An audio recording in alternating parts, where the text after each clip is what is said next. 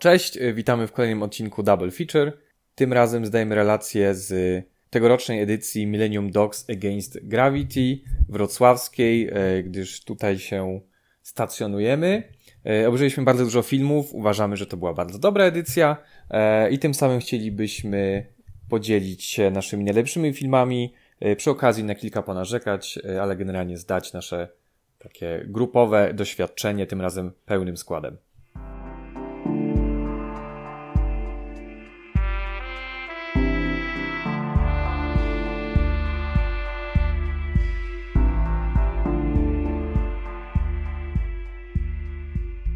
Na pierwszy ogień mhm. weźmy chyba jeden z popularniejszych tytułów tegorocznej edycji i też taki chyba dosyć re reklamowany. Tak, zdecydowanie jeśli jakiś film można polecić z tej listy, to jest tak bezpieczny wybór, to uważam, to właśnie jest Wulkan Miłości, mm, który jest bardzo lubialny, dobrze się go ogląda, y, ma świetne zdjęcia i opowiada o parze wulkanologów, mm, którzy żyją wulkanami. Zasadniczo poznajemy ich historię na podstawie większości ich własnych zdjęć yy, takich archiwalnych, które sami nagrywali, bo byli też w dużej mierze filmowcami.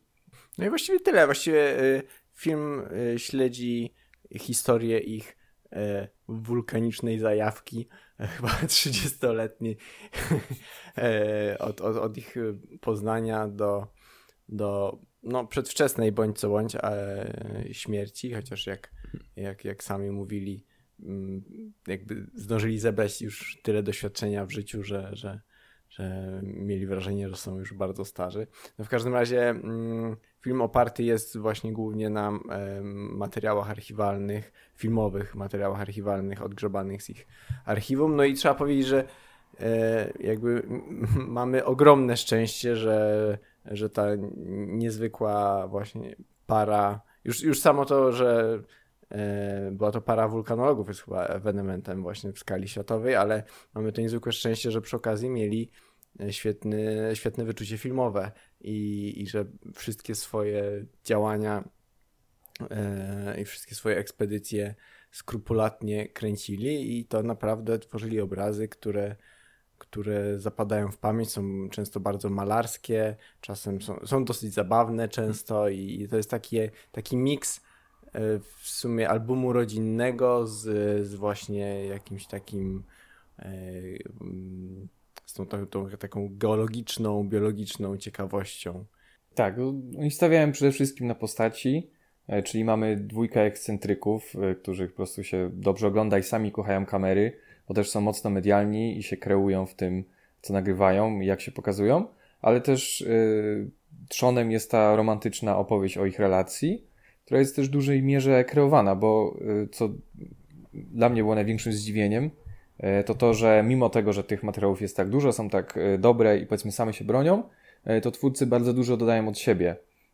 Ten film jest bardzo mocno taki przetworzony przez wrażliwość, przez montaż i przez to, jak jest komentowany. Jest bardzo dużo narracji z offu, która w jakiś sposób właśnie kreuje tych bohaterów jeszcze bardziej niż oni samych siebie. E, I tutaj zdecydowano się nie oprzeć na tym, co już było, tylko tak naprawdę na tym, co, e, co się dodaje i jak nam twórcy tłumaczą tych bohaterów. Co niektórych, e, tak jak rozmawiałem z widzami, niektórych troszeczkę może irytowało. No tak, bo ta narracja jest taka dosyć poetycka mhm. i myślę, że mo niektórzy mogą to odbierać jako ciut egzaltowana. Tak, i tak jedno, jednoznacznie narzucająca też pewne rzeczy. Ale myślę, że to idealnie pasuje się w tematykę filmu, nie? Bo ta historia jako, jako mamy przedstawioną, no to idzie dwutrowo jednocześnie. To jest taka historia pasji, która zaczyna się właściwie równocześnie ze, ze związkiem. związkiem. E, I e, jest w tym jakaś poetyckość, nie? Jeśli, jeśli chodzi o to, jak pasja dodaje nam skrzydeł, jak to miłość nam dodaje skrzydeł i to razem połączone tworzy taką wybuchową mieszankę wulkaniczną, mm -hmm. prawda?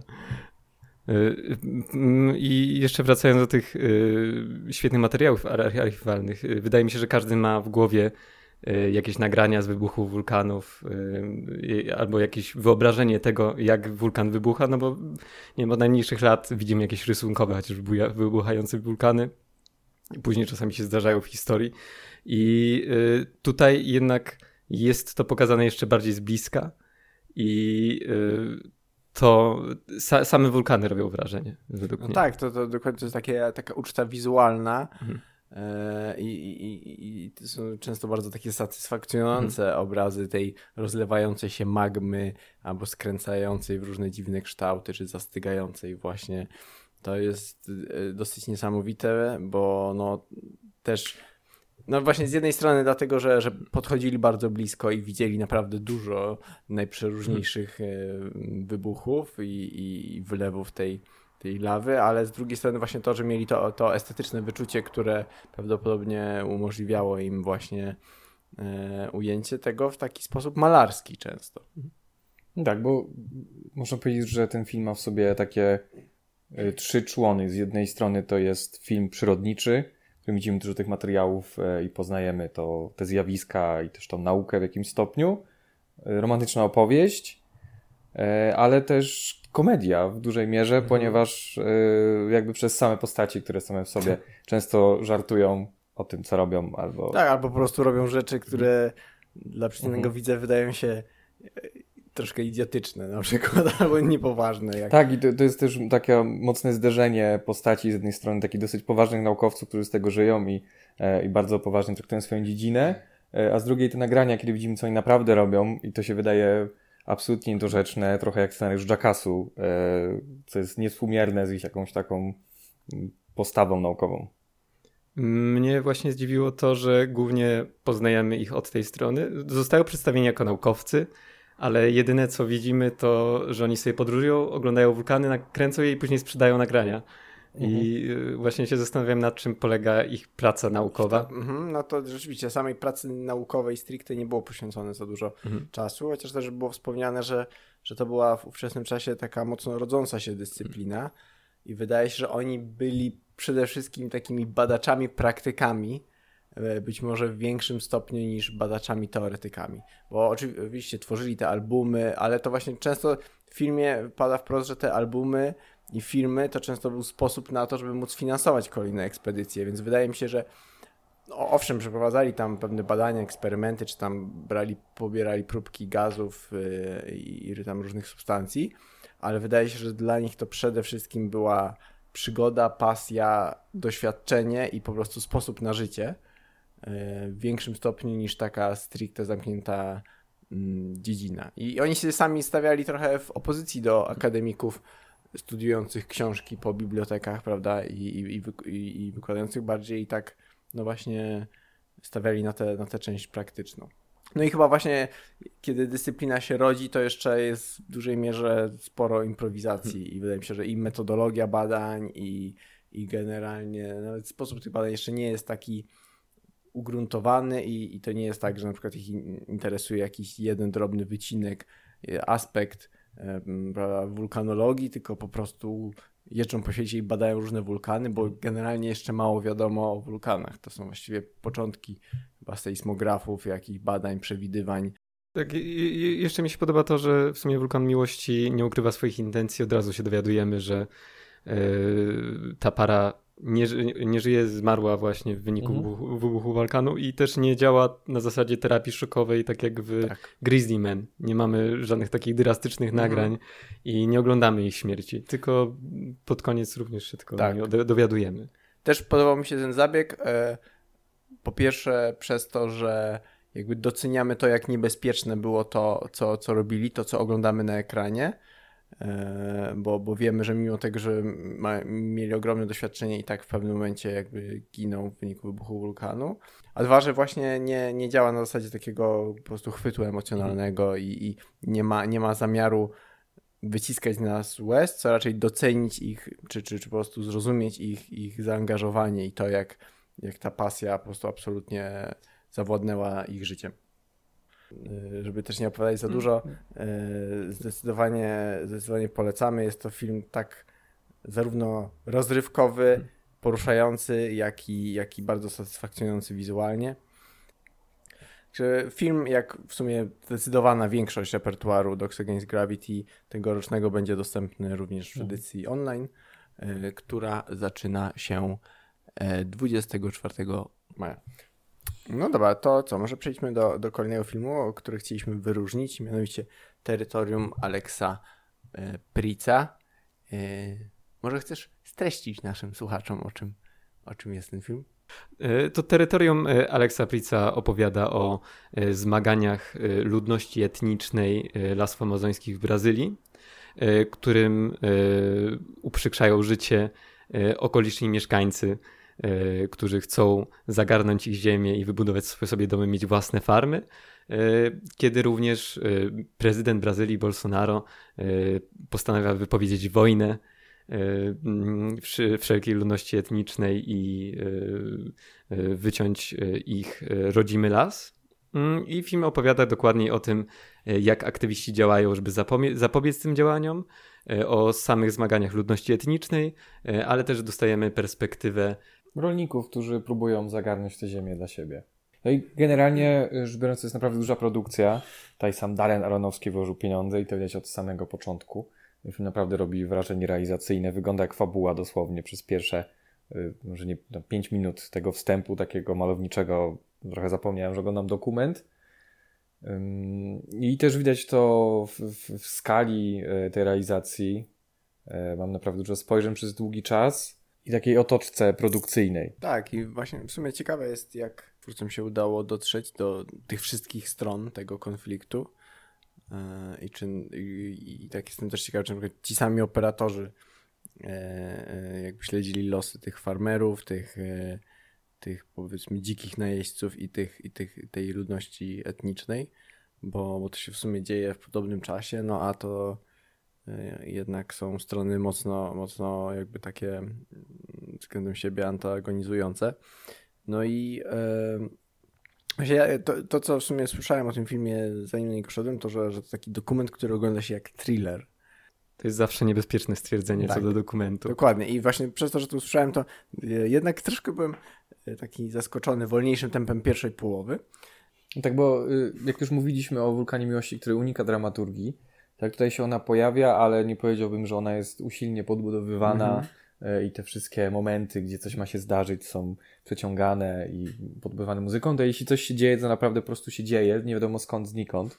Te, te, te zmiany akcji, dynamika tego, co się dzieje, jest bardzo drastyczna, e, dzięki czemu on jest e, naprawdę wyładowany treścią, ale z drugiej strony nie sprawia wrażenia jakiejś takiej eksploatacji tematu, tylko dosyć zrównoważonego podejścia, bo właśnie jak mówiliśmy, wyróżnia go to y, spojrzenie ze strony tych najeźdźców de facto, którzy co ciekawe właśnie nie wstydzą się kamery y, i mimo tego, że no, łamią prawo, przynajmniej teoretycznie nie jest egzekwowane, ale to robią, bo wycinają tak naprawdę rezerwat przyrody ścisły. I to puszcza amazońską. No. Y, tak. I, I to ich spojrzenie jest bardzo interesujące, ponieważ pogłębia w znacznym stopniu ten konflikt, skomplikowanie tego wszystkiego E, no, ponieważ kiedy trochę posłuchamy tych ludzi i jakby spojrzymy na to z ich perspektywy, w jakim stopniu przyjmiemy ich punkt widzenia, e, to ten obraz nie jest już taki czarno-biały i oni wydają się aż takimi bezdusznymi potworami, którzy dla czystego zysku to robią. Ale ja na przykład nie zostałem przekonany w ogóle zupełnie do, do ich perspektywy. W sensie zrozumiałem to, ale jakoś nie wiem, może ze względu na to, w jakiej tutaj bańce wrocławskiej żyję, nie potrafiłem, nie potrafiłem zrozumieć tego, że dla własnych jakby potrzeb, dla własnego zysku chcą wycinać lasy amazońskie, które i tak już zostały zdziesiątkowane. Y, I jeszcze y, to, że mm, dokument y, właściwie kręci tych najeźdźców wycinających i podpalających te, te lasy, to mi się wydawało takie etycznie wątpliwe. No tak, tak, ale znaczy, dla mnie to było ciekawe w ich perspektywie. E, ta, był, był taka, taka krótka mowa jednego z nich o brazylijskim śnie. Mhm, że tak mhm. jakby taki mit założycielski, czy, czy powiedzmy taki właśnie uniwersalna historia każdego Brazylijczyka, czy, czy marzenie, to, to mieć swoją ziemię i się z niej utrzymywać jako taka po prostu y, taki wierzchołek piramidy wartości i ta własna ziemia, kawałek własnej ziemi staje się czymś, czymś świętym, czymś, co każdemu się należy E, i, i do czego warto dążyć za wszelką cenę. I wydaje się, że to, e, to dlatego jakby dobro, dobro samej puszczy zostaje zepchnięte na, na margines. No i tu oczywiście no, trudno sympatyzować, ale ciekawe na pewno było też to, to pokazanie jakby różnych sposobów robienia tego samego, bo mamy tych, tych dzikich karczowników, którzy po prostu jawnie łamią prawo i, i liczą na to, że po prostu klimat polityczny e, zmieniający się sprawi na to, że ujdzie im to płazem. Mamy też tych rolników, którzy próbują się zrzeszać i jakoś walczyć o swoje drogą bardziej legalną, albo przynajmniej półlegalną. E, no i mamy w sumie bardzo osamotnioną aktywistkę, e, która, która jakby bierze stronę tych e, rdzennych mieszkańców. No i mamy jeszcze perspektywy samego plemienia i tych młodych przywódców. Ja byłem pod wrażeniem w ogóle tego całego zaangażowania i to, że w jaki sposób to plemię potrafi używać nowych technologii, mhm. żeby kontrolować swoje ziemie, żeby nie wpuszczać tam najeźdźców mimo wszystko, y, mimo mojego podziwu do tego plemienia, to wydaje mi się, że i tak film maluje mm, perspektywę życia tego plemienia w, w ciemnych barwach. Całą przyszłość. Tak? Aha, że, że perspektywa. Tak, że, tak, że, że jest jakaś no nadzieja, tak, że tam są, jest wiele młodych przywódców, ale jednak jest to film dosyć pesymistyczny. Znaczy, ja myślę, że po prostu realistyczny, bo no. że jak spojrzysz po prostu na, na twarde dane, na przykład liczby, to, to, to raczej ta przyszłość się optymistycznie nie, nie maluje, ale tutaj się zgadzam, że jednym z ciekawszych rzeczywiście aspektów tego filmu było pokazanie tego, jak, jak te plemiona e, jakby korzystają z nowej technologii, ale przy tym wcale nie tracą swojej tożsamości. I to było dla mnie coś też odkrywczego, że, że to że często te obrazy na przykład tych plemion rdzennych e, na przykład z iPhone'em w ręku albo z koszulce Adidasa kojarzą się z takim zanieczyszczeniem tych plemion współczesną cywilizacją. A tutaj nie do końca. To jakby oni właśnie używają tych zdobyczy technologii jako narzędzi, a tym, co naprawdę wyróżnia ich od powiedzmy reprezentantów cywilizacji zachodniej, jest przede wszystkim e, stosunek do natury. Bo zamieszkują te same tereny, korzystają w dużej mierze z podobnych technologii, ale po prostu przedstawiciele tej Brazylii takiej powiedzmy miejsko-wiejskiej, prawda, nie wiem jak to, cywilizowanej powiedzmy w cudzysłowie, e, używają, jakby e, traktują ziemię jako coś, z czego można i należy korzystać, żeby się bogacić, jakby traktują ziemię jak zasób. A, a, a to plemię traktuje swój teren jak dom, z którego może korzystać w sposób zrównoważony, nie zmieniając go w sposób znaczny. E, I, i to było ciekawe, że, że można, można korzystać dokładnie z tych samych narzędzi. Można umieć obsługiwać drony, mieć GPS-y, łączność satelitarną. E, być może nawet, nie wiem, elektryczność by im nie zaszkodziła, a, ale, ale ten przekazywany z pokolenia na pokolenie ta tradycja i stosunek natury sprawia, że, że są w stanie po prostu dbać o tą puszczę, a przynajmniej żyć e, razem z nią w symbiozie. I wydaje mi się, że to jest takie to jest taka największa siła tego, jak, jak to plemię zostało sportretowane w tym filmie. I ze sporym smutkiem patrzy się, jak to powoli odchodzi. No i warto to obejrzeć choćby, choćby dlatego, że w sumie chyba jednym z powodów, dla których hmm. powstał ten film jest to, że ci członkowie plemienia zrozumieli, że mogą e, używać mediów i rozgłosu hmm. jako broni po prostu w walce z tymi karczownikami, więc myślę, że jakakolwiek uwaga światowa czy lokalna, jak zostanie zwrócona na, na ich sytuację, ma jak, szansę w jakimś stopniu im tam y, pomóc, y, choćby finansowo. Y, Okej, okay, ale to jak jesteśmy przy średnio optymistycznych filmach bliskich naturze albo mówiących o stosunku człowieka do natury, to myślę, że warto byśmy porozmawiali trochę o nowym filmie Andrei Arnold, reżyserki American Honey, a mianowicie o krowie. E, film chyba w równym stopniu stworzony przez reżyserkę, co przez operatorkę tego filmu, Magdę Kowalczyk. E, a to, a to dlatego, że, e, że film składa się właściwie wyłącznie z ujęć śledzących jedną z hodowanych, z hodowlanych krów mlecznych w jednej z farm w Wielkiej Brytanii oraz jej młodego cielęcia od momentu jego narodzin. I tym, co wyróżnia ten film, jest to, że, że nie ma w nim w ogóle dialogów.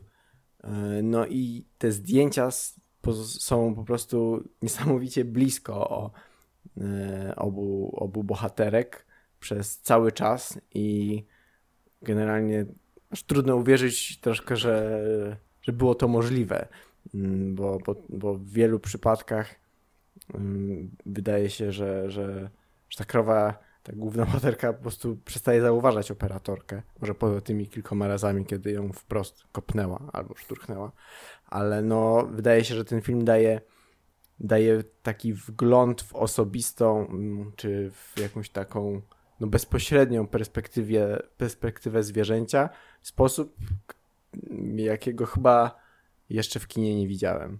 Tak, w perspektywę i też na pewno w przestrzeń, yy, którą to mhm. zwierzę zajmuje, bo pierwszy raz mam tak naprawdę w jakiś sposób okazję poczuć cielistość tego zwierzęcia, yy, tego jak one są wielkie, niezgrabne, a jednocześnie jakieś takie dziwnie precyzyjne e, i wydaje się, mm, wydaje się w dużym stopniu właśnie kognitywnie zdolne, bo całkiem dużo jest ujęć, gdzie operatorka w dużej mierze, można powiedzieć, wyczuła to, jak one reagują. I kamera nie tylko jest bardzo, bardzo blisko zwierząt e, i jakby pokazuje ich ciała, ale też to, na co one patrzą, E, nas zwracają uwagę i ten punkt widzenia krowy jest tak mimikowany przez kamerę e, w maksymalnym stopniu, jak to możliwe. Czasami byłem zdziwiony pod względem tego timingu, kiedy ona obracała dosłownie kamerę na taką, na taką samą długość czasu jak krowa.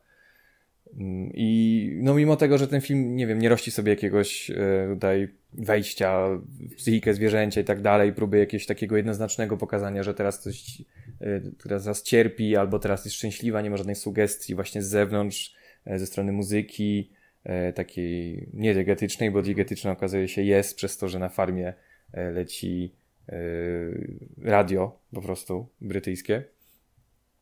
Ale na pewno jest to taka obserwacja, która pozwala nam zauważyć jak najwięcej tak naprawdę się da z tego materiału stania, nawet nie tylko z boku, ale zaraz przy co jest taką no, niepowtarzalną okazją w sumie. Y, właśnie to, czym mówisz, y, zasługa operatora i raczej operatorki właściwie i też w jaki sposób to zwierzę zostało ukazane. Y, wydaje mi się, że dużo, przynajmniej mi, pomogło w odebraniu tego filmu to, że przeczytałem jakąś recenzję, nagłówek recenzji, że Krowa to jest dobry film nie po to, żeby jakby dostrzec w krowie w zwierzętach człowieka, tylko że bardziej dostrzec w człowieku takie zwierzę też. Jak jakby mm, ta zależność nie była jednostronna, tylko dwustronna. E, I oglądało mi się przez to ten film trochę jak taki film niezależny, który mógłbym zobaczyć na Nowych Horyzontach. E, I gdy zamiast krowy podłożyć ludzi, to, mm, to był film o takiej matce pracującej, która e, idzie e, do pracy, wraca, mm, wraca mm, do domu, idzie na imprezę. Tak, ale mimo wszystko nie odebrałem tego jako film może taki pro zwierzęcy, taki Tylko... na zasadzie mhm. nie odebrałeś tego jako film wegetariański. Wegetariański, tak, tak. Czy y, wegański. Bo na sali pojawiły się głosy, że y, film im, cała historia filmu przypominała im bardziej Holokaust niż coś takiego normalnego. Właśnie to jest, to jest trudne w tym filmie. Mi się wydaje, że tu jest sporo takiej szarej strefy i w sumie zgadzam się z tym, co powiedziałeś o tym, że, że ten film tak bardzo mocno pozwala wyczuć przestrzeń, w której funkcjonuje krowa.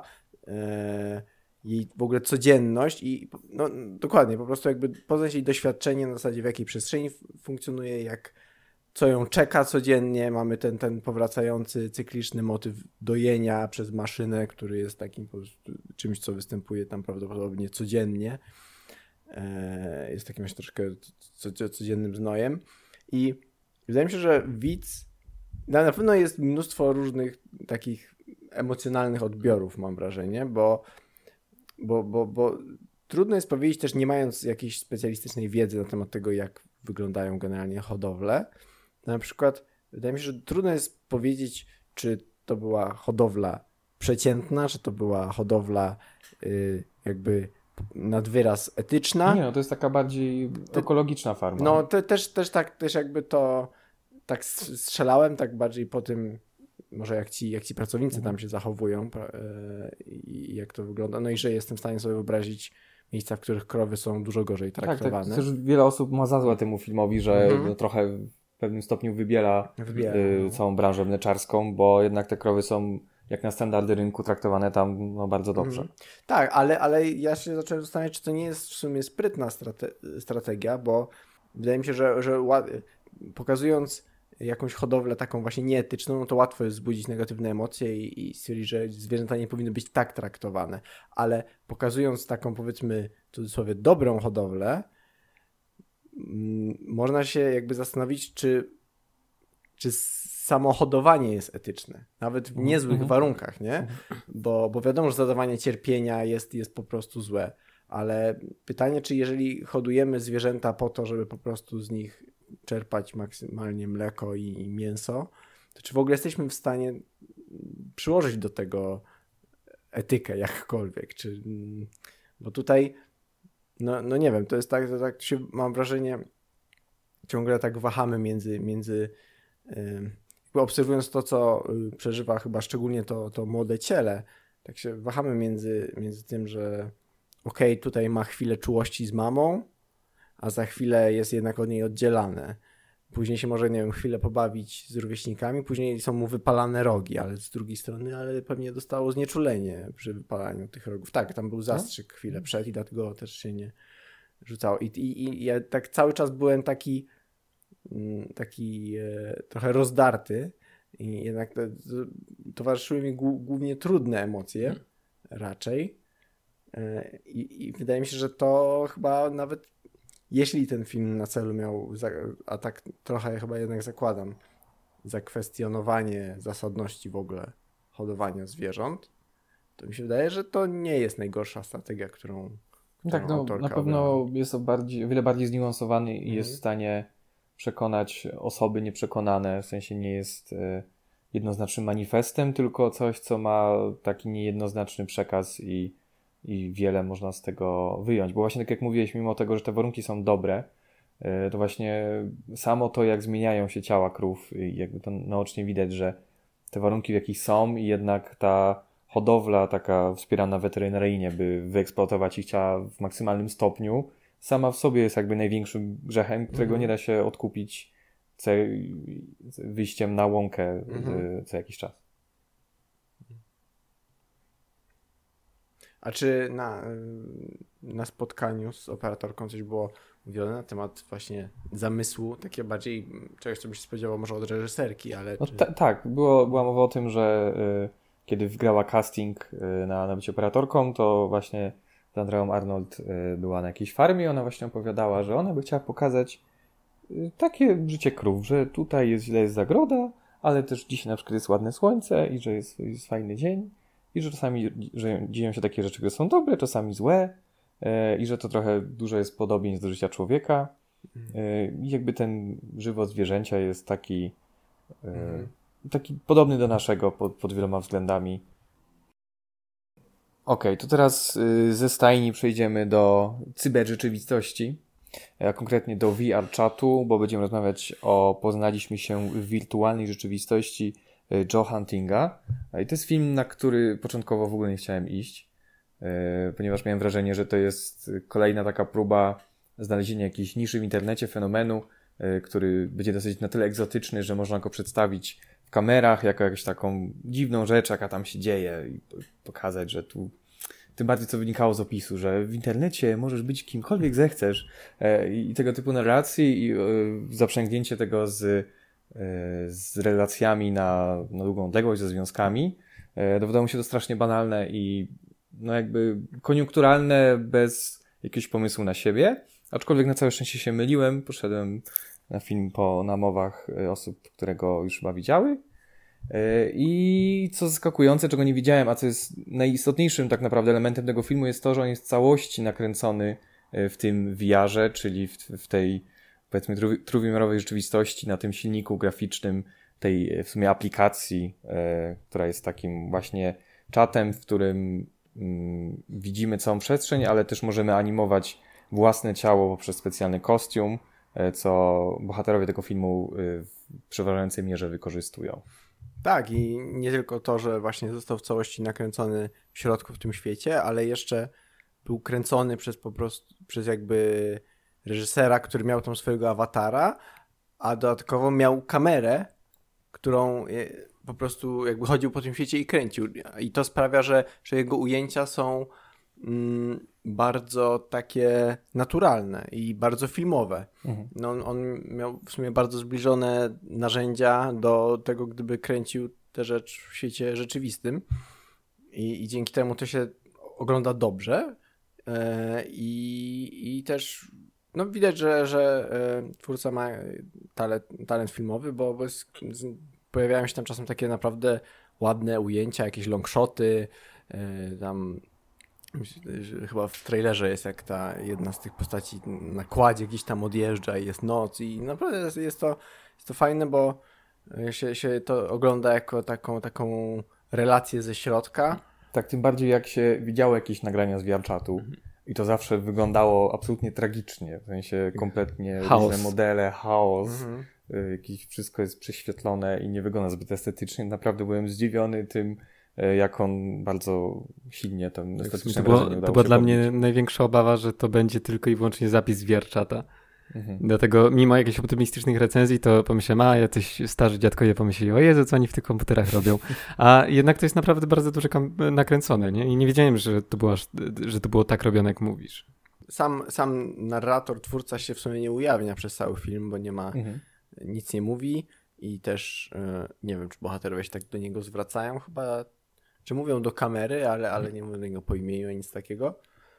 E, I wydaje się, że to trochę sprawia, że to jest taki idealny miks spojrzenia od wewnątrz i z zewnątrz, bo, bo jednak jesteśmy zupełnie zanurzeni w tym świecie, jesteśmy jako powiedzmy to oko częścią tego świata równoprawną, ale z drugiej strony te, ten reżyser też nie jest kimś, kto tam spędził jakieś długie lata i, i przynajmniej tak się wydaje, że nie jest jedną z tych osób, której, nie wiem, na przykład VR odmienił życie. Jest w nim coś takiego jednak ciekawości e, czegoś, czego wcześniej nie znał. I, i dzięki temu na przykład wydaje się, że łatwiej jest odfiltrować takie, bo wydaje się, że niektórzy bohaterowie tam e, no, no okej, okay, mówią w samych superlatywach o VR-czacie, i też bywają tak mocno emocjonalnie, pozytywnie naładowani względem tego świata, a, a, a my możemy to obserwować z takim lekkim dystansem. To nie oznacza, że emocjonalnie mhm. jesteśmy obojętni, ale, ale wydaje się, że, że po prostu e, no, możemy zarówno zaangażować się emocjonalnie, jak i wyrobić sobie własną opinię na temat zjawiska. No tak, i też z jednej strony jesteśmy wewnątrz, jesteśmy ocenić ten świat e, i to się dzieje, ale nie mamy pojęcia o zasadach, które się dzieją w mhm. konkretnych sytuacjach. I to też budzi ciekawość, a przy okazji jest źródłem jakiegoś humoru i konsternacji co daje całkiem fajną mieszankę i jest dosyć dobrze wytłumaczony i poprowadzony, jak na to, że właśnie nie ma narracji z offów, wszystko co jest tłumaczone to przez bohaterów. W dużej mierze jest wszystko opowiedziane, ale głównie względem ich historii, a nie powiedzmy samego świata. Jednym z takich ciekawszych elementów chyba tego świata, bo trzeba powiedzieć, że twórca skupił się na kilku społecznościach funkcjonujących w VR-czasie, bo tych społeczności jest całe mnóstwo i tak, trzeba... ale oni tam głównie tańczyli tak naprawdę, bohaterowie. No, no dużo jeszcze było tego y, języka migowego. Mm -hmm. To jest taka druga, druga istotna rzecz, ale w każdym razie mm, wydaje się, że ten VRChat jest właśnie stworzony z setek czy tysięcy takich, takich społeczności, prawdopodobnie różnych tam map, światów, serwerów i tak dalej. Twórca wybiera raczej te bardziej etyczne.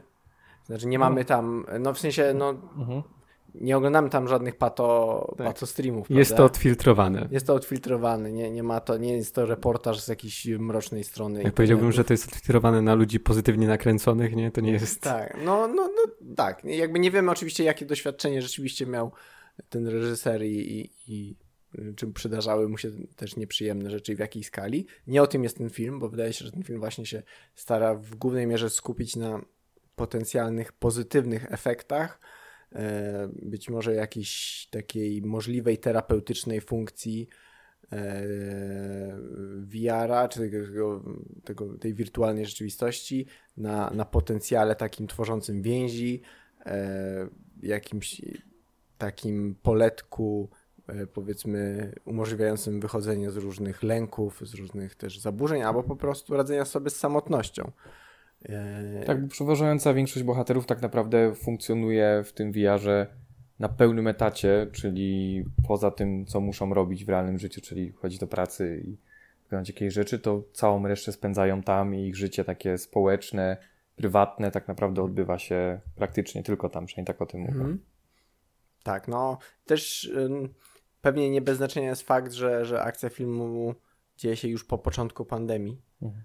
Y, więc też y, sporo jest tam bohaterów, którzy mówią o tym, że, że właśnie ten VR był takim sposobem na zapobieżenie jakiemuś ciężkiemu kryzysowi psychicznemu. E, ale też, no, jednak VR chat tam chyba 2018 roku mhm. prężnie działa, więc to na pewno jest sporo tam, sporo jest też bohaterów, którzy są od tamtego czasu e, w VR-ze.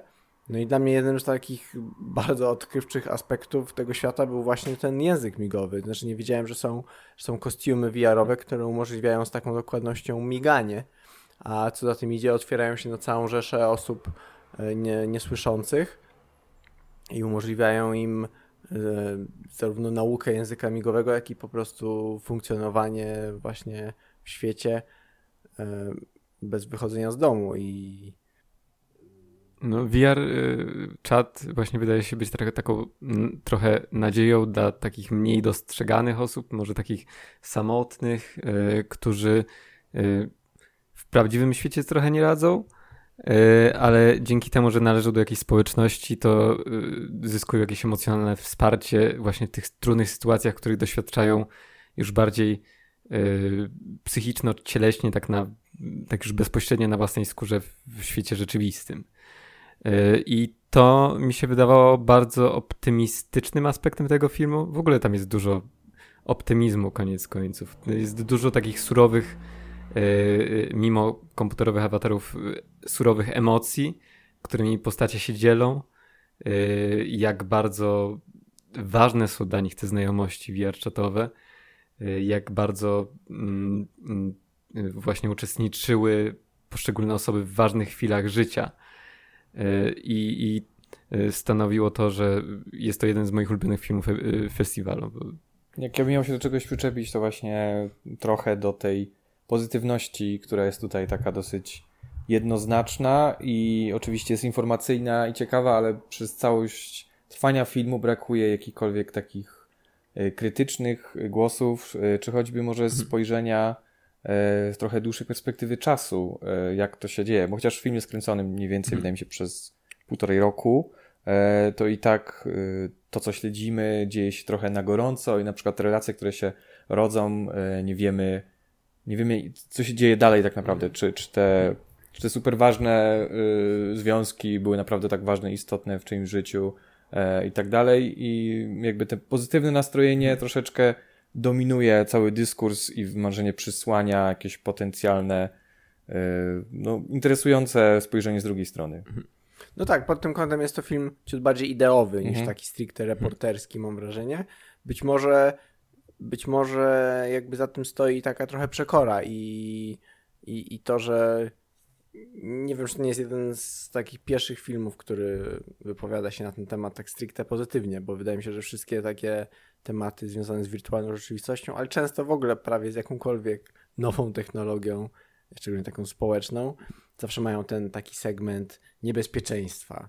Yy, I, i jakby wydaje mi się, że obecnie już każdy z nas jest świadomy pewien, pewnych niebezpieczeństw, pewnych patologii, które w tych środowiskach mhm. zachodzą i, i być może potrzebny był taki film, który pokazuje trochę tę drugą stronę. Może nie, on, mi się wydaje, że on jednak nie próbuje pokazać całościowego no nie, nie, nie. E, obrazu, że nawet nie ma tego właśnie jakby w założeniach, tylko jest takim właśnie takim kontrapunktem e, dla, dla, dla dyskursu, który obecnie funkcjonuje. No i to jakby wydaje mi się, że, że, że to robi sprawnie, że, że większość widzów zdaje sobie sprawę, że to nie jest rozwiązanie idealne. Też myślę, że nikt nie wychodzi z tego filmu z takim poczuciem, że wirtualna rzeczywistość rzeczywiście jest nam w mhm. stanie w pełni zastąpić to życie mm, rzeczywiste, społeczne, ale zwraca uwagę na, na kilka właśnie takich rzeczy, które, które mogą być terapeutyczne, mogą być pomocne w mhm. życiach niektórych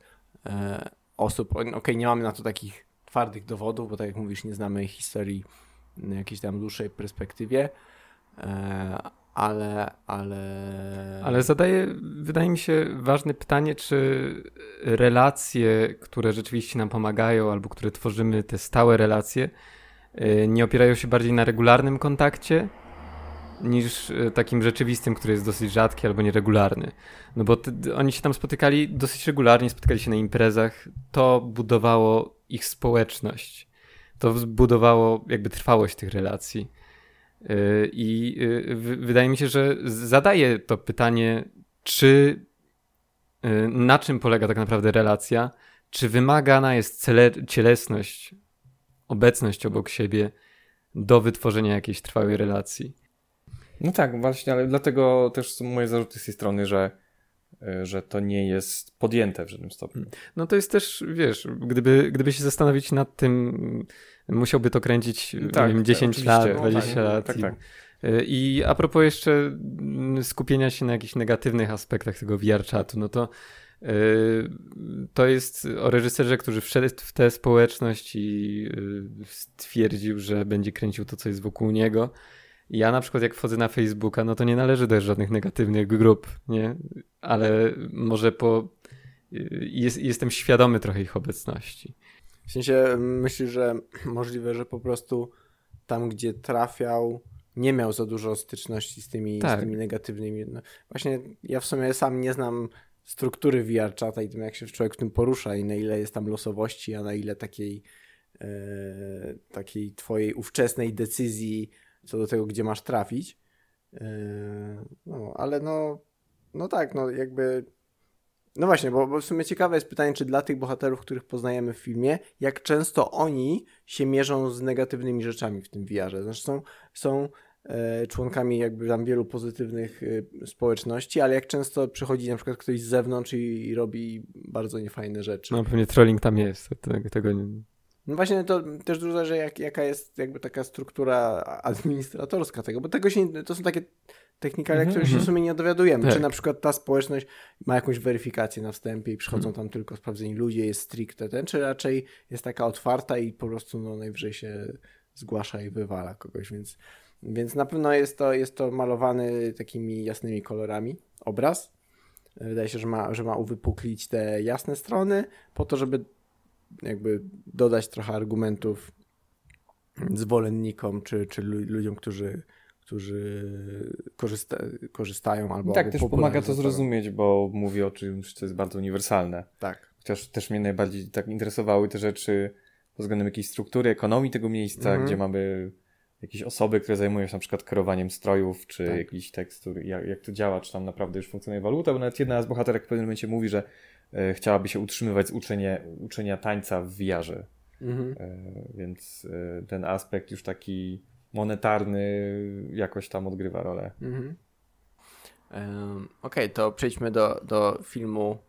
W sumie, jakbyśmy mieli szukać czegoś wspólnego, to, to może motyw młodych ludzi i e, otoczenia, e, w, jakim żyją, ale mm, pomówimy krótko o filmie, który zdobył Grand Prix e, z Dolnego Śląska oraz parę innych nagród, których niestety nie byliśmy w stanie spamiętać, mhm. bo lista tegorocznych nagród jest nad wyraz y, długa. Mianowicie y, mowa tu o Młodym Platonie w reżyserii Declana McGraffa i Neasyni Kianain, przepraszam za y, zmasakrowanie nazwiska. No właśnie. Film osadzony w północnej Irlandii, w Belfaście w terenie, o, w okolicy o, o, o trudnej historii naznaczonej przemocą, konfliktami na tle religijnym, w której wydaje się, że te, że te podziały cały czas żyją. No i, i śledzimy historię dyrektora jednej ze szkół podstawowych, katolickiej e, szkoły podstawowej King's Cross oraz, oraz jego metod wychowawczych e, opartych na jakiejś takiej powiedzmy samoświadomości emocjonalnej, wymianie poglądów, dialogu. No i na filozofii przede I wszystkim. na filozofii, stąd, e, stąd, stąd tytuł.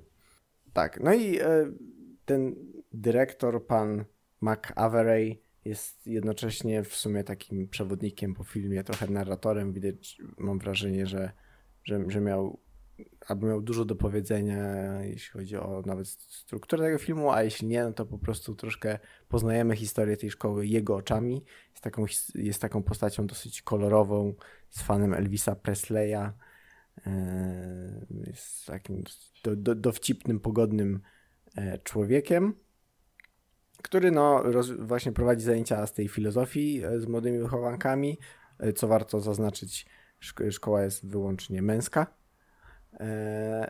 I, no i rozwiązuje takie różne podwórkowe konflikty, ale też, też jakby uczy ich o, o, o tej trudnej historii i, i ogólnie rzecz mówiąc, stara się chyba wychować pokolenie, które nie powtórzy tych samych błędów, co, co ich e, rodzice i w którym nie będzie trwać ten taki samonakręcający się, e, już długotrwający konflikt.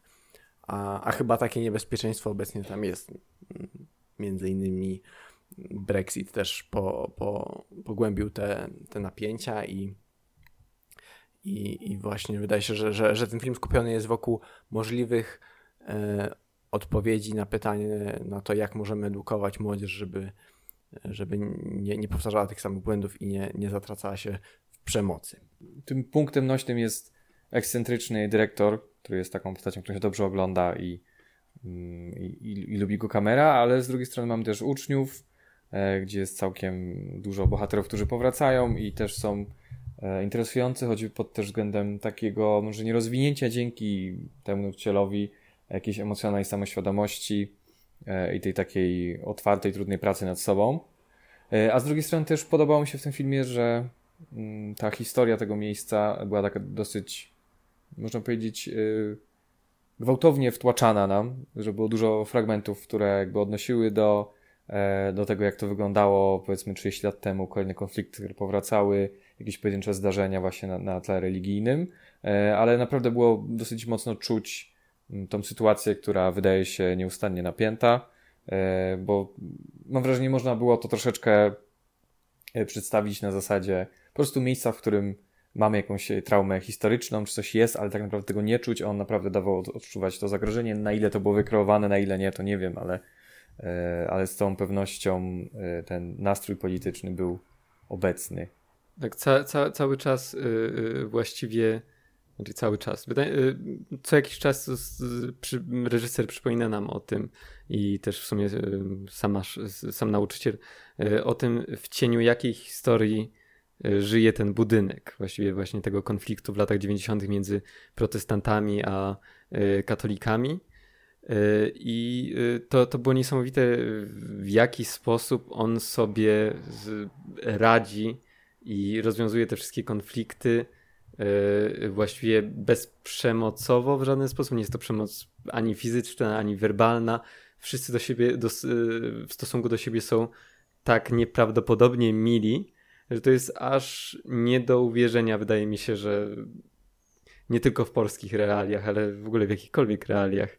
Nawet nie tyle bym powiedział mili, co godna podziwu jest hmm. ta, to takie analityczne podejście do, do, do sytuacji konfliktowych, które mają lub miały miejsce, że one zawsze są, jakby ci uczniowie są zachęcani do rozkładania tych sytuacji na emocje, na, na czynniki pierwsze, do rozkładania swoich emocji na czynniki pierwsze, pozwala im to jakby lepiej zrozumieć, dlaczego się czują w określony sposób, dlaczego zareagowali, w określony sposób wymyślić rozwiązanie tej sytuacji. I to jest taka, taka ciągła praca u podstaw, która no, wydaje się, jeśli nie zapobiega wszystkim konfliktom, bo to jest chyba po prostu nie, niemożliwe w takim mm. też w środowisku szkoły, to przynajmniej sprawia, że te dzieci są, są bardziej wrażliwe, e, są w lepszym kontakcie z własnymi emocjami, potrafią w ogóle o nich mówić, to było dla mnie mhm. niesamowite, bo że nie dość, że, że, że te małe dzieciaki, mali chłopcy tak dobrze opisywali jakby dlaczego zrobili coś złego, jak się czują, jak się wtedy czuli i tak dalej, bo widać, że mają to wyćwiczone, to dodatkowo jakby nie peszyli się robić tego w obecności kamery, co było w ogóle dla mnie dodatkowym atutem tego filmu. Ta, wydaje mi się, że ta kamera musiała być tam obecna od dłuższego czasu, szczególnie, że nie była za bardzo dyskretna przez większość czasu i często wchodziła po prostu na przykład za rozpłakanym dzieckiem do gabinetu i, i śledziła jego rozmowę z panią pedagog. A, a mimo wszystko jakoś nie wyczuwało się, żeby, żeby te dzieci próbowały coś robić pod, pod kamerę, pod publikę. E, więc, więc e, na pewno było widać, że, że to, to rozmawianie o emocjach mają, mają we krwi. No i tutaj drugi chyba taka, taki aspekt tego filmu, czy płaszczyzna, to przynajmniej ja to tak odebrałem, taki delikatny konflikt lub rozjazd tej filozofii mm, wykładanej w szkole z tym, co jak dzieci są traktowane lub co słyszą w domach. Też wydaje mi się to dosyć wyraźnie pokazane w tym filmie, że czasem, czasem rodzice i szkoła ciągną w dwie przeciwne strony. I, i, I te dzieci czasem same są zdezorientowane, bo na w szkole słyszą o tym, żeby że przemoc rodzi przemoc, żeby, że, żeby nie pozwolić jakby się nakręcać przemocy, a, a w domu słyszą, że zawsze mają oddać, jak ktoś ich e, uderzy. E, więc tutaj to też, zresztą to było ciekawe, że ten dyrektor też składał wizyty w domach i gdzieś tam mhm. próbował jakieś scenariusze odgrywać wraz z rodzicami. Mm, to taki film o, o, o godnej podziwu właśnie pracy u podstaw, który jednak też zasiewa trochę takiej ziarno wątpliwości, czy jest to, czy jest to możliwe na, na dużą skalę, mhm. czy, czy będzie to skuteczne. W sumie poznajemy tam też kilka tragicznych historii wychowanków tej szkoły, które z nich tam się skończyły samobójstwem na przykład. Zadaję też pytanie, czy właściwie coś takiego jest możliwe do osiągnięcia nawet w małej skali w szkole. No bo y, widzimy tam uczniów, którzy popełniają jakby te same y, błędy pod wpływem emocji i czy te emocje da się zahamować w jakiś sposób. Można je później analizować na chłodno, przepraszać się nawzajem, ale w momencie, kiedy emocje nas buzu, buzują, czy jesteśmy w stanie się powstrzymać, nie? O tym mówi też ta cała historia y, tych konfliktów. O tym też mówi właściwie ten główny nauczyciel, dyrektor szkoły, który mówi, że kiedy był młodszy, to też y, zdarzało mu się popełniać błędy. Tak, ale właśnie to w sumie ciekawe, że on właśnie o tym mówi i to też się pojawia pytanie, czy to, czy to taka porywczość, powiedzmy, czy nieumiejętność panowania nad emocjami nie jest właśnie domeną młodych. Mhm. I jakby mam trochę tak wrażenie, że te dzieci się uczy panowania nad emocjami, ale tak do końca się ich y, się od nich tego nie wymaga, że jakby też jest, panuje taka atmosfera zrozumienia, że no mhm że mimo wszystko to są dzieci, nie, nie wymaga się od nich takiego właśnie full stoicyzmu i, i, i, i, i pełnego umiaru, ale nadzieja być może jest w tym, że staną się dorosłymi, którzy będą umieli już panować nad tymi emocjami, tak jak, tak jak powiedzmy ta, jak ci pedagodzy, czy, czy, czy, ten, czy ten dyrektor, który też gdzieś tam właśnie mówił o swojej trudnej młodości, ale powiedzmy nauczył się nad sobą w pełni panować.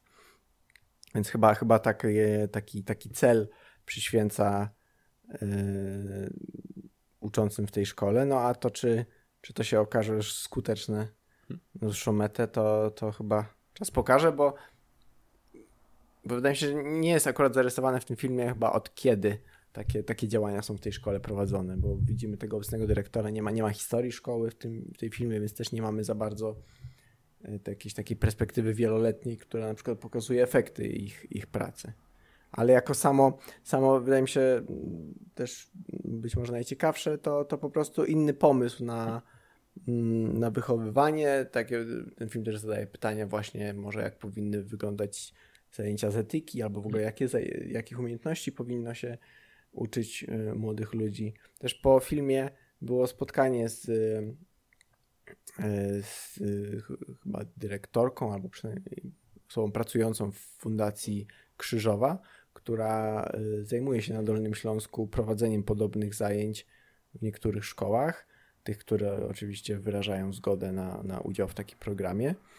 Mm, to też mówiła o wielu takich podobnych metodach, które stosują, ale też zwracało uwagę na na cały czas bardzo małą skalę, na które są prowadzone te zajęcia, że w bardzo niewielu szkołach przeszkód jest wiele, to tam długo by mówić, ale, ale wydaje się, że w tym, w tym młodym Platonie też to jest jednak historia jednej szkoły i nie ma na przykład śladu, e, śladu jakiegoś takiego wątku, że nie wiem, inne szkoły też szukają takich dróg do edukacji. To są raczej takie, takie pojedyncze latarnie, mhm. i, i, które, które mogą jakby wskazywać drogę, ale to nie, nie, nie oznacza, że, że, że to szykuje jakąś rewolucję w nauczaniu. Wydaje mi się, że fajnie było to zobaczyć, żeby e, stwierdzić, o tak powinna wyglądać szkoła, ale tak powinna być wyglądać każda szkoła, bo inaczej według mnie to nie za bardzo zadziała, bo e, w momencie jak e, uczniowie takiej szkoły wyjdą na podwórko i spotkają ucznia innej szkoły, no to może to się nieciekawie skończyć. Ja w sumie nie uważam, żeby, żeby żebyśmy w tym względzie mieli na przykład jakieś ogromne różnice, z, z, bo chyba ten tem, temperament no, na przykład północnych Brytyjczyków, ale też Irlandczyków jest taki być może w niektórych e, aspektach zbliżony do, do naszego, ale zgadzam się, że to jest jednak kwestia skali, że wydaje się, że to jest nauczanie obliczone na wychowywanie kolejnego pokolenia, a nie wychowywanie elity kolejnego pokolenia. Więc no tutaj oczywiście to, to byłoby pewnie bardziej skuteczne w dużej skali, no ale jakby każdy jakiś taki ruch czy, czy rewolucja w podejściu do, do jakichś systemowych zmian, to musi, musi zaczynać e, od, od, od jednostek. Ok, myślę, że omówiliśmy filmy, o których najbardziej chcieliśmy podyskutować i z których wrażeniami chcieliśmy się podzielić, więc e, tak na koniec tego, e, tej naszej relacji może kilka wyróżnień i już takich krótszych słowach opowiemy o paru tytułach, na których też według nas warto zwrócić uwagę to ja chciałbym polecić Poszukiwaniu Nieśmiertelności Stefana Bergmana. Yy, to jest y, film niemieckiego reżysera, ale właściwie kręcony w Ameryce. Yy, on pokazuje w jaki sposób właściwie ludność Ameryki próbuje prześcignąć śmierć, o to, żeby sobie wydłużyć życie, albo w jakiś sposób pokonać śmierć. E, to, co dla mnie imponujące było w tym filmie, no to głównie struktura, do której wydaje mi się, że większość dokumentów nie przywiązuje takiej wagi, to to, że mamy przekrój ludzi, wydaje mi się, że nawet dziesięciu bohaterów, którzy po kolei pokazują swój stosunek do śmierci i w jaki sposób y, chcieliby albo wydłużyć sobie życie, albo ją pokonać. I ten przekrój ludzi jest naprawdę różnorodny. Część osób po prostu trenuje, bierze suplementy i po prostu chce w jakiś sposób żyć zdrowo. To przechodzi aż do ludzi, którzy chcą sobie wydłużyć życie albo się zamrozić. E, I w ten sposób on przedstawia tych ludzi, że wzmianka jednej osoby staje się tematem dla następnej. E, I właściwie czujemy ciąg, w jaki sposób reżyser chce opowiedzieć o tym, E, nie o transhumanizmie, bo to nie jest też film wykład, którym ma nam przedstawić założenia transhumanizmu, ale bardziej perspektywę osób, którym nie podoba się samo założenie śmierci, jaki oni mają stosunek, jaki mają stosunek, jeśli chodzi o swoje własne, swoje własne wyznanie i w jaki sposób godzą niegodzenie się śmiercią wraz z własnymi przekonaniami. Więc polecam serdecznie Jan Borkowski. Jest filmów, które też zrobiły na mnie bardzo pozytywne e, wrażenie. To film Simona Natalii Koryńskiej-Gruz, e, opowiadający o, e, o życiu Simony Kossak z perspektywy jej ciotecznej wnuczki, która jest obecnie jej spadkobierczynią. I właściwie właśnie ona jest główną bohaterką tego filmu, Ida Matysek, która przyjeżdża do Polski, bo na co dzień mieszka w Finlandii i, i w sumie wraz z nami poznaje historię swojej, swojej ciotki. I film bardzo zgrabnie balansuje pomiędzy y, opowiadaniem o takiej trudnej dosyć y, historii rodzinnych konfliktów i młodości y, Simony Kosak, a jej działalnością, a opowieścią o jej działalności ekologicznej gdyż można powiedzieć, że Simona Kostak była taką protoplastką aktywistki klimatycznej czy ekologicznej, która, która ona, ona była badaczką, ale też dosyć młodo przeprowadziła się do Puszczy Białowieskiej, żyła większość życia bez elektryczności i bieżącej wody i badała naturę tak w praktyce i opiekowała się zwierzętami, miała takie duże też zacięcie aktywistyczne, ale też, też w, późniejszym etapie życia również filmowe i takie mhm. katalogowania tego, tego, co badała. E, no i przy okazji talent pisarski, bo myślę, że sporo z Was może ją znać z dosyć poczytnej biografii opisującej jej losy, jak również z audycji radiowych. E, chyba Radia Białystok była cała taka seria gawędy Simony Costa, która też była bardzo popularna. Umiała w bardzo taki przekonujący, mm, zaangażowany sposób opowiadać o przyrodzie i o stosunku człowieka e, do przyrody. I myślę, że ogromna część jej filozofii, jej stosunku do świata pozostaje aktualna dzisiaj, a właściwie nawet wyprzedziła e, swoje czasy i, i mówiła o rzeczach, które dzisiaj już stają się krytycznie ważne i mówiła o nich w sposób, który jak najbardziej może przemawiać do wrażliwości współczesnego e, człowieka. Myślę, że właśnie jej, jej działalność potrzebowała zobrazowania e, w formie filmu, bo jest rzeczywiście sporo materiałów archiwalnych z dziedzinki, czyli z tej, z tej leśniczówki, w której mieszkała przez większość życia. E, no i, i to chyba pozwala jeszcze, jeszcze lepiej docenić jej, e, jej działalność taką zarówno naukową, jako, jak i e, aktywistyczną. A przy okazji jest również taką poruszającą lekcją właśnie trudnych relacji rodzinnych, jakichś takich niedoborów w komunikacji i tego, jakie to może nieść ze sobą skutki. Tak, film jest wyprodukowany przez Kanal Plus i tego co wiem, to właśnie jeszcze ważą się losy dystrybucji kinowej, ale na edycji online, tak jak wszystkie pozostałe tytuły, o których dzisiaj rozmawiamy, będzie można go zobaczyć. Okej, okay, to jeszcze na koniec e, wspomnę o w sumie najważniejszym dla mnie filmie tego festiwalu, czyli Babi Miarze konteksty Siergieja Łoźnicy, e, który tutaj kontynuuje swoją metodę dokumentowania, e, gdzie wykorzystuje tylko i wyłącznie materiały archiwalne, które przy okazji są odrestaurowane i wyglądają naprawdę niesamowicie. E, też często bywają udźwiękowione.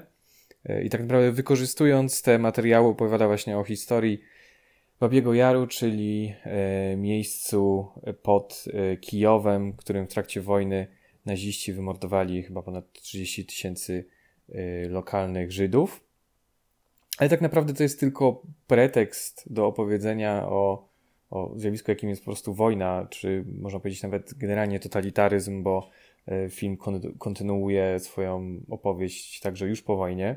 E, także zaczynamy tak naprawdę w momencie, kiedy, e, kiedy Trzecia Rzesza wkracza do Związku Radzieckiego i oglądamy kolejne jakieś relacje właśnie z okolic Kijowa, czy też Lwowa, powoli chronologicznie jakby poznając punkt widzenia takiego cywilnego obserwatora, który, który żyje w tym regionie i tak naprawdę jest rzucony y, w te, te wichry historii, gdzie najpierw właśnie przychodzą naziści, y, potem, potem wraca Związek Radziecki i, i te, wszystkie rzeczy się dzieją wokół nich tak naprawdę bez ich większego wpływu, a przy okazji cały ten rozmach wojny, ich globalny wpływ i i, i, wymiary tak naprawdę tego konfliktu są bardzo tutaj dobrze unaocznione, choćby przez jakieś pojedyncze, dłuższe ujęcia, gdzie widzimy e, nie tyle właśnie skalę zniszczeń, ale jakby choćby samą skalę po prostu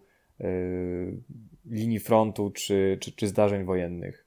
E, I też mnóstwo powieści, które są przywoływane tak dosłownie przez świadków naocznych, a to wszystko jest pozbawione takiej filmowej dramaturgii, gdzie buduje to muzyka albo albo powiedzmy są jakoś narracyjnie umiejscowione w takim momencie, że moglibyśmy się tego spodziewać. To wszystko się po prostu dzieje y, jest wyciągnięte z tych archiwów i po prostu ułożone w taką w miarę spójną i dosyć zwartą, narracyjną całość.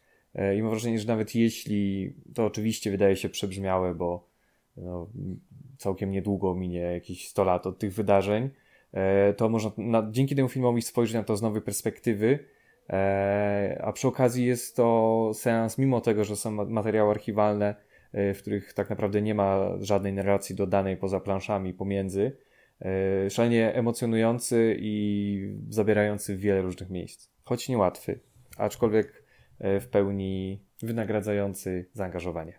Warto zaznaczyć też, że retrospektywa Siergieja Łoźnicy jest na edycji online Millennium Dogs Against Gravity.